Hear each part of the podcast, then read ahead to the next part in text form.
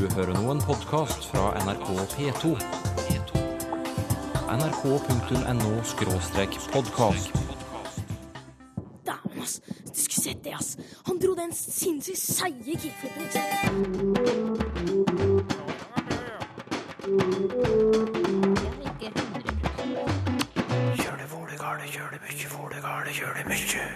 Svensker i Norge går på norsk kurs for å fikse jobben. Det er veldig viktig i mitt jobb å være nøye og når man skriver avtale og andre dokument. Og um, rett og slett, de må skrive på jobben, og det kan de ikke, og det har de ikke lært. Ål, gol og flå har alle ubestemt form. Det signaliserer alder. Ubestemt form i uh, usammensette navn er et alderskriterium. Det er et merke på at vedkommende navn er gammelt. Hva synes du om ordet robust, Sylfest Lomheim? Dette er en klisjé. Ja, du mener det, ja. Jeg blir bare lettere uvel når jeg hører politikere snakke om robust. Men ikke for kvalm til å kommentere det mot slutten, håper jeg. Hvordan er det å være svensktalende arbeidstaker i Norge? Det hørte du om i Språkteigen sist. Ja, jeg bruker säga att jag pratar eh, svenska med norske ord og det fungerer ganske bra. Men jag, jeg våger ikke inte gå over og prate norsk. Men... Ditt første møte med norsk språk, hvordan var det? Oi, det var, ja, men det var litt svårt å forstå i begynnelsen. Men eh, det går seg til. Det går bra etter hvert å snakke svensk og jobbe på en norsk arbeidsplass. Allikevel hender det at svensker melder seg på norsk kurs. Og da er min første tanke er det virkelig nødvendig? Kari Lund, du driver firmaet Norskrommet og holder egne norskkurs for svensker. Hvem er elevene dine? De er unge voksne svensker med høyere utdanning. De er kanskje sånn 25-30 år pluss minus. Og opp til 40. Den eldste jeg har hatt, er 50. Men hvorfor trenger de å lære norsk? Fordi at muntlig så går det veldig greit i Norge stort sett. Etter litt sånn eh, justering og litt forsking. Men eh, det å skrive norsk, det er jo ikke noe som sånn skjer av seg selv når de krysser grensen. Ja, hvorfor trenger de å kunne skrive norsk? Hva slags jobber er det de har da? De jobber i forsikring, bank, det kan være jurister, det kan være forskjellig kundeservice, hvor de kommuniserer ofte da på e-post med kunder. Og de, det kan være forlag, post, jernbane, mange, også større bedrifter. Og um, rett og slett, de må skrive på jobben, og det kan de ikke, og det har de ikke lært. Nei. Og hvis ikke de er supersmarte i språk, så gjør de ikke seg selv. Hva slags problemer skaper du for dem eh, når de prøver å liksom bare finne ut av det selv, da? Hvordan de skal skrive norsk? Eh, Det er jo flere ting. Altså den håper å si, personlige biten er jo at de eh, føler seg jo ikke flink. Det går jo på selvtilliten løs. Ja. Og så er det det at det kan oppstå misforståelser. Og jeg har hatt eh, noen jurister gjennom forskjellige kurs. Og da kan man jo tenke seg selv, hvis du får et brev fra advokaten din på dårlig norsk eller svorsk, Ja. så blir ikke det tatt helt godt imot. Det kan eh, bli eh, Det kan oppleves som useriøst. Det er jo til og med en eh, kundebehandler som fikk tilbakemelding om det var en svindel-e-post. Oi. Hva er det spesielt eh, Hva er spesielt utfordrende for svensker sammenlignet med andre som skal lære seg norsk skriftlig? Hvor er uh, akilleshælen? Ja, det er at eh, det er så likt. Hovedstrukturen i norsk og svensk er nesten likt. Og ca. 80% av ordforrådet er likt. Sånn at det er jo på en måte veldig marginalt. Så det er alle disse småtingene som skiller språkene våre, som de skal ta hull på. Har du noen eksempler på hva som kan oppleves vanskelig? Du, altså, det er jo staving. Og Svenskene strør om seg med C og X. Det gjør jo ikke vi. Det har vi kun i fremmedord og navn. Hvis jeg har forstått dem rett, så sier de at det er, norsk er nesten litt sånn barnslig, fordi at vi skriver sånn som vi snakker. Ja. Fordi at svensk, de har mer fransk i språket sitt.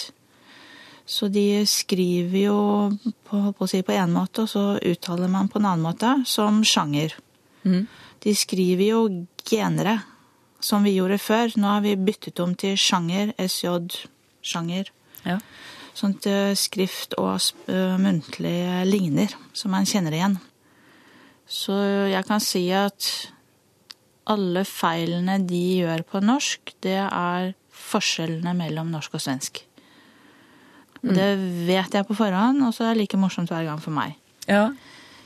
Hva slags, hva slags feil da er det som går igjen? Det, det som er en sånn forskjell, det er at uh, i svensk så har uh, hjelpeverbet har, det har eh, falt ut i leddsetninger.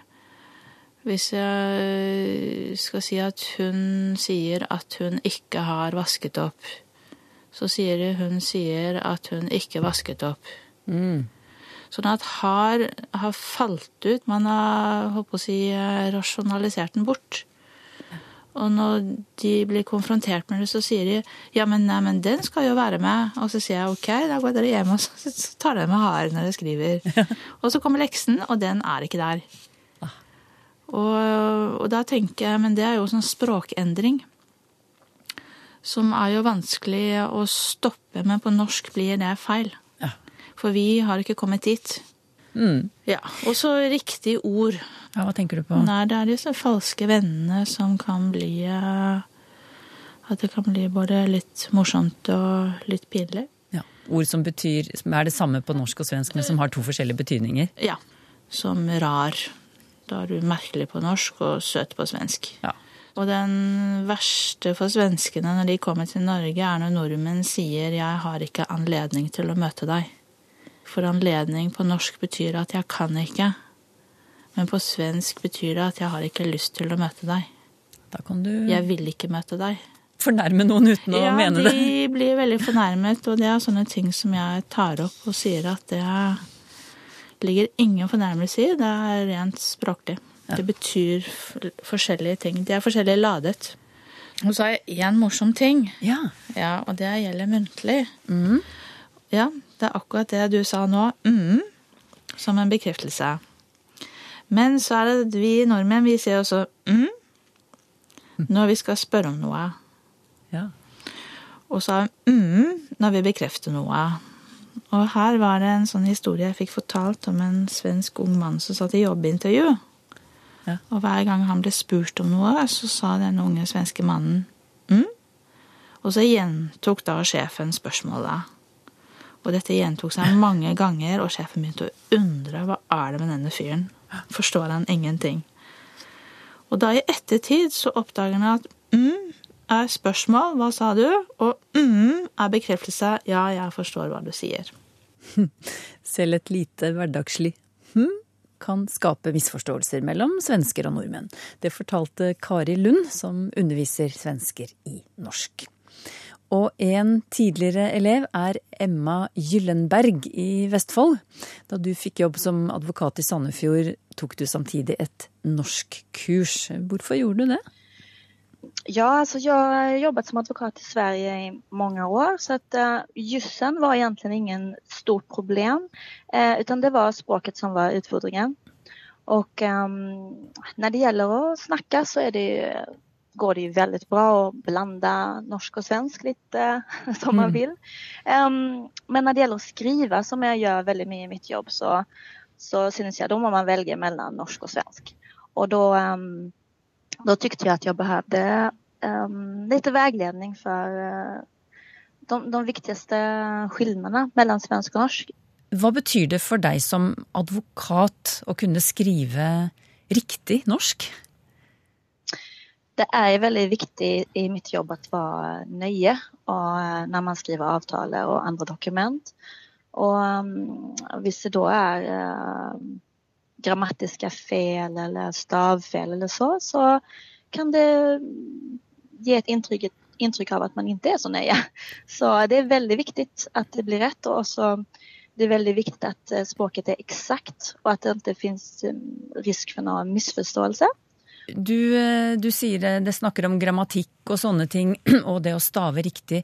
Men mm. du har også sagt til meg at som advokat så er stemningen i språket viktig for deg, og hva mener du med det?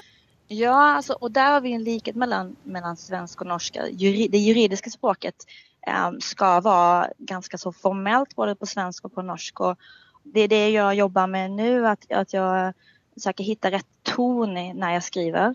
Um, ibland ska det vara lite mindre formellt, ibland ska det vara väldigt formellt. Det beror på vad man skriver om. Um, och det där är sånt som man lär sig etter hvert. Och, och, och förstå um, stämningen och tonen.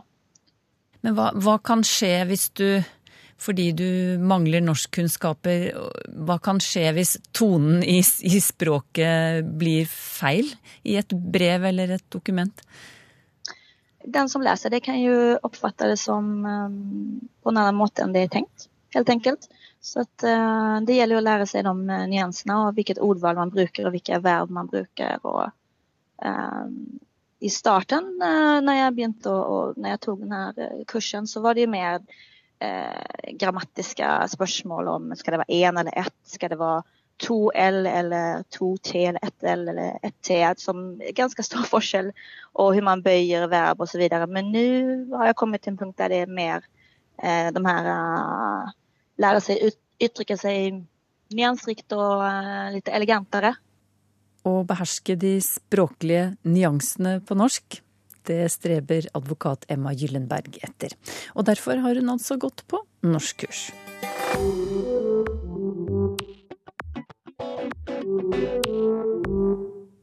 Har du tenkt over at noen av stedsnavnene våre er veldig korte? Som Ål i Hallingdal, f.eks.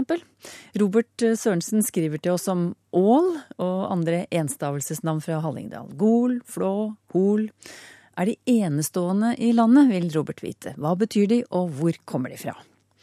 Navnegransker Inge Særheim ved Universitetet i Stavanger, vi kan jo avklare dette med enestående i landet først. Finner vi Flå, Gol, Hol og Ål andre steder i landet? Ja, vi finner Hol for eksempel som, eh, som gardsnavn flere plasser. Eksempelet i Vestvågøy i Nordland og i Tjeldsund i Nordland.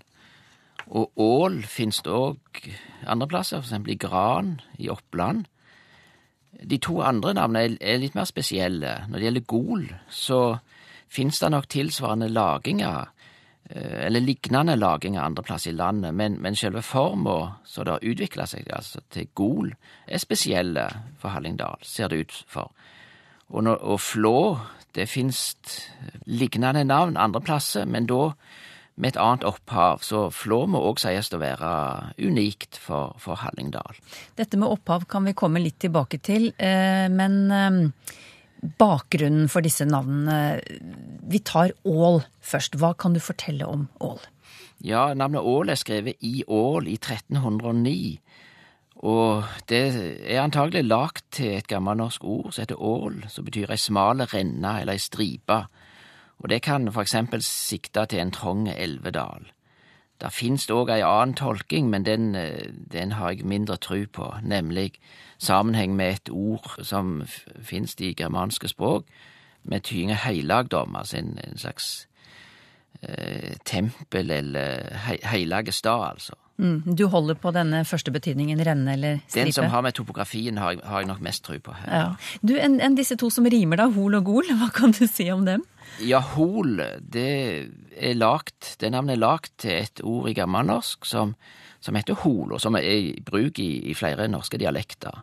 Det betyr en, en haug, eller ei høgt, ei runde, runde høgt. Og det er avleid til adjektivet h eller ho i gammelnorsk, som betyr høg. Og når det gjelder gol, så så har vi der gamle skrivemålet fra 1309 i Gord, og vi har òg Garda eh, Sukken i 1499, så det ser ut til å være et gammelt elvenavn, gammelnorsk Gord, som kan være brukt om nederste delen av elva Hemsil. Og der finner vi lignende navn andreplass i landet. Garåa eller Garå. Så det, det, ser ut, som sagt, til å være et, et gammelt elvenavn. Det er avledt av, av ordet gard, som kan sikte til et gjerde eller stengsel, for eksempel, brukt under fiske, eller grensa. Mm. Men, men, du, det siste navnet, Flå, der antydet du at det skiller seg ut fra andre Flå-navn i, i, landet, og på hvilken måte? Ja, Flå, det er skrevet det, I uttalen så er det Flø, visstnok, med tjukk L, og, og, det er skrevet Floda, Sukken i 1445. Og Floda må da være ei genitivform, så mm. av et gammelnorsk fløder, som tyder overfløyming, eller flaum. Så, så det sikter til, til elv og, og vann som, som, flyter, flyter over. Oversvømmelse? Oversvømmelse kan, ja, kan vi godt ja, si. Men det har ikke denne betydningen andre steder i landet der flå opptrer? da? Flå finnes òg andre plasser, f.eks. i Melhus i Sør-Trøndelag. Men da eh, ser det ut til å være ordet flå, som betyr ei, ei flate, ei lita flate, eller hylle i ei fjellside. Det ordet finner vi i nokså mange norske steder. For eksempel i Flåm for Sogn som ser ut til å være dativ flertall av dette ordet. Mm. Så disse navnene de har oppstått etter formasjoner eller fenomener i naturen? ja, naturen, topografien, topografien ja. ligger, ligger til grunn for disse navnene. Men så er det det at flå, ål, hol og ol, de har alle ubestemt form. Og du sier at, at det har å gjøre med alderen på disse navnene. Eh, hvordan det? Ja, bestemt form er egentlig en novasjon, altså noe nytt i språket. Det er jo noen nokså mange hundre år gammelt nå, da, men, men eh, når det gjelder stadnavnene, så kom dette inn i, i mellomalderen, og særlig i siste, siste, delen av den perioden. Så når vi lager navn med slike ord i dag, så nytter vi naturlig bestemt form. Vi vil for eksempel si Holen og Flåa, Flåene, Ålen osv. Mm. Så ubestemt form i uh, usammensette navn er et alderskriterium. Det er et merke på at vedkommende navn er gammelt. Ja. Du har for eksempel gardsnavn som Nes, Vik, Ås, Haug, og i gammel datiform Berge, Hauge, Åse. Altså gamle, veldig gamle gardsnavn. Men uh, er dette spredt over hele landet, eller er det konsentrasjoner av sånne eh, navn med ubestemt form? Hvordan, hvordan er det? Ja, det ser ikke ut som bestemt form har vunnet fram like sterkt alle plasser, og det ser vi særlig i sammensatte naturnavn. Det er et ganske stort område i Sør-Norge, med kjerne, kan jeg si, i deler av Aust-Agder og Telemark, der mange sammensatte eh, navn, naturnavn, har ubestemt form. Eh, hva heter lang, Langeflu, for eksempel, Storemyr, Stavtjørn, eh, Steinhaug. I dette området er det altså ganske mange navn med ubestemt form. Mm. Så er det sånn at noen navn har bestemt form i dag, men hadde ubestemt form før i tiden. Hva er det for slags eh, fenomen? Ja, det er det at de rett og slett har blitt tilpassa til hovedmønsteret. Eh, når eksempel Namdalen heter Naumudaler i norrønt, så var det ubestemt form der. Sotra heter soter, altså ubestemt form i norrønt. Smøla heter smyl. Jæren heter jadar. Oslofjorden, Osloarfjorder. Så ubestemt form i norrønt, men bestemt form i dag. Fortalt navnegransker Inge Særheim ved Universitetet i Stavanger. Det blir kveld, og så blir det morgenkveld, og så blir det enda en kveld hvis ikke jeg blir klein. Moteord er blant temaene i lytterspalten vår i dag, Sylfest Lomme. Ann-Kristin Bakken spør om vi kan forklare bruken av ordet robust, som har blitt det nye offentlige ordet som hun skriver. Politiet skal bli mer robust. Det er snakk om robuste planer, robuste miljøer osv. osv. Hvorfor blir enkelte ord plutselig mote i enkelte miljøer, spør Ann-Kristin Bakken de blir mote fordi at de som bruker dem, og i dette tilfellet politikere og en del slike, tror at dette er et godt ord å bruke. Og da blir det brukt, og det blir mye brukt. Og slike ord som blir brukt for mye, de blir da ikke gode lenger, de blir dårlige. Så dette er en klisjé, og jeg må si at jeg forstår veldig godt at han Kristin Bakken spør om ordet robust. Hun sier at det er blitt det nye offentlige ordet, og det er det sannelig. Så jeg blir bare lettere uvel når jeg hører politikere snakke om robust, for det kan du liksom ikke være imot, for det betyr stor og sterk. Hvem er imot det? Ordet robust skriver seg fra robustus på latin, og det igjen skal være i slekt med det latinske ordet for eik, eiketre, og det er jo et stort og kraftig tre. Elisabeth eh, Høie trekker fram tilsynelatende like preposisjoner, men den ene har i, og den andre har ikke vokalen i. Her kommer tre eksempler. Gjennom, igjennom, fra, ifra, mot, imot. Og da lurer hun på hva er forskjellen. Hun er litt forvirret. Eh, og det passer så fint at du spør om dette, Elisabeth, fordi en, i en annen e-post fra Julie Sjøvald eh, Oftedal så nevnes akkurat det ene eksempelet ditt, mot imot. Og Julie hun har et eh, eksempel. Det var en e-post hun mottok fra partiet Venstre, eh, som først fikk henne til å tro at uh, det går mot reservasjonsrett for fastleger i Oslo, som hun skriver. For her er overskriften 'Byrådet i Oslo går mot reservasjonsrett for fastleger'. Men så skjønte jeg at budskapet tvert imot var at byrådet går imot forslaget om reservasjonsrett. Så der var et eksempel, Sylfest Lomheim. Og hvordan vil du kommentere disse tingene som Julie og eh, Elisabeth tar opp her? Ja, dette, dette er mat for Mons, iallfall mat for språkfolk. um, vi kan ta dette med imot. Ja, ta det først. Og, og mot. Der er det slik at eh, etter vårt grammatiske system så er preposisjon med i, altså imot, det er det ordet vi stort sett bruker sammen med verb, altså at det står til verb. Høyre går imot eh, dette. Men eh, bare mot uten i, det bruker vi som en vanlig preposisjon framfor et substantiv, altså mot forslaget er du mot forslaget, er du for forslaget. Slik at mot eh, har vi stort sett framfor substantiv, men imot bruker vi gjerne sammen med verb. Å gå imot noe. Og da ser vi det også med gjennom og igjennom samme systemet. Vi sier jo på bokmål å se igjennom saka på nytt. Da står igjennom til å se, å se igjennom saka. Men hvis vi sier hun så ham gjennom vinduet, da er det uten i, altså bare gjennom, og da står gjennom til vinduet, altså substantivet. Men, men dette er jo litt eh, kompliserte saker på en måte, og det er jo lett å bli forvirra, og det er ikke alltid at det er så gale om vi blander dette sammen, men dette er iallfall tendensen eller mønsteret i norsk språk er med hensyn til, altså forkortet MHT, blitt det nye i forhold til, spør Else Mo.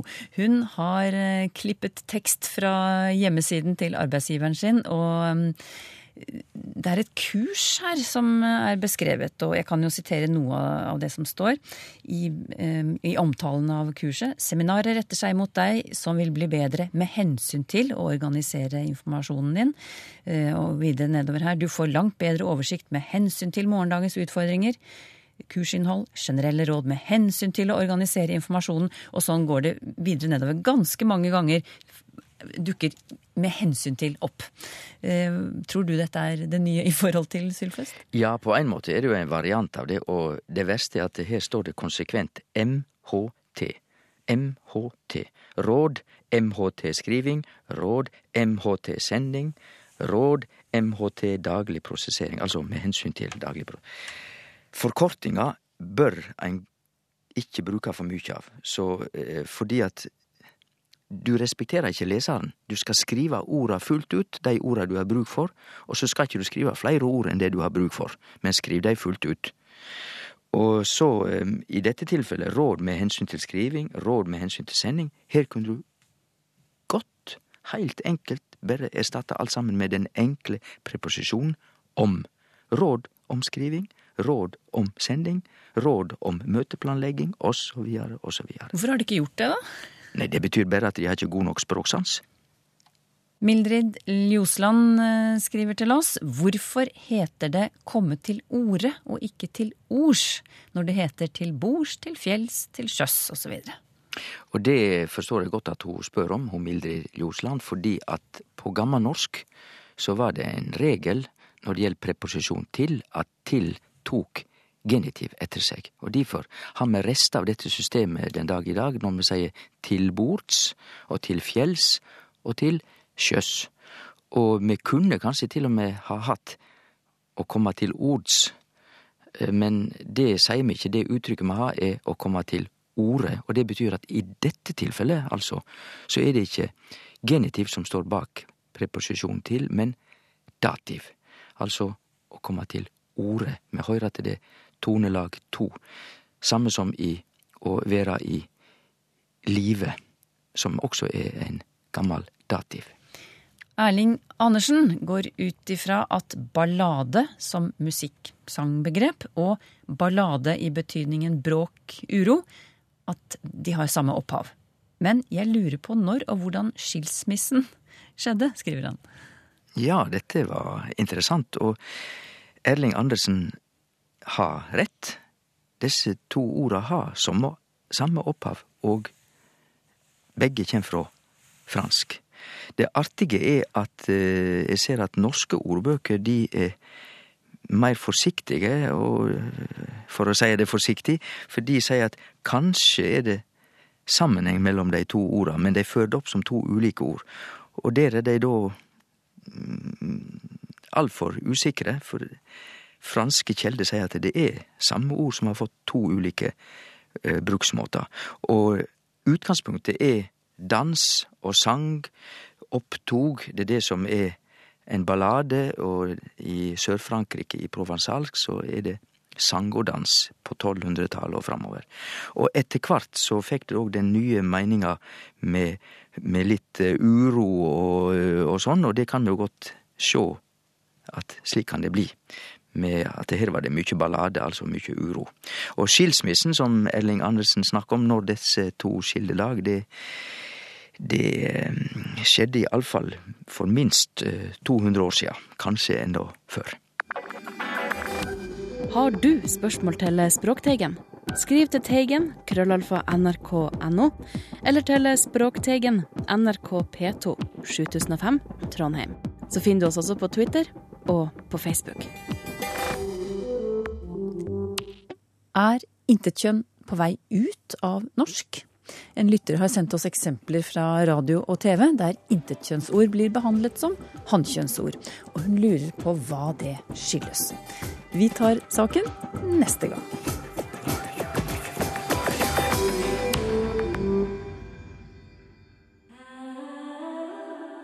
nrk.no podkast.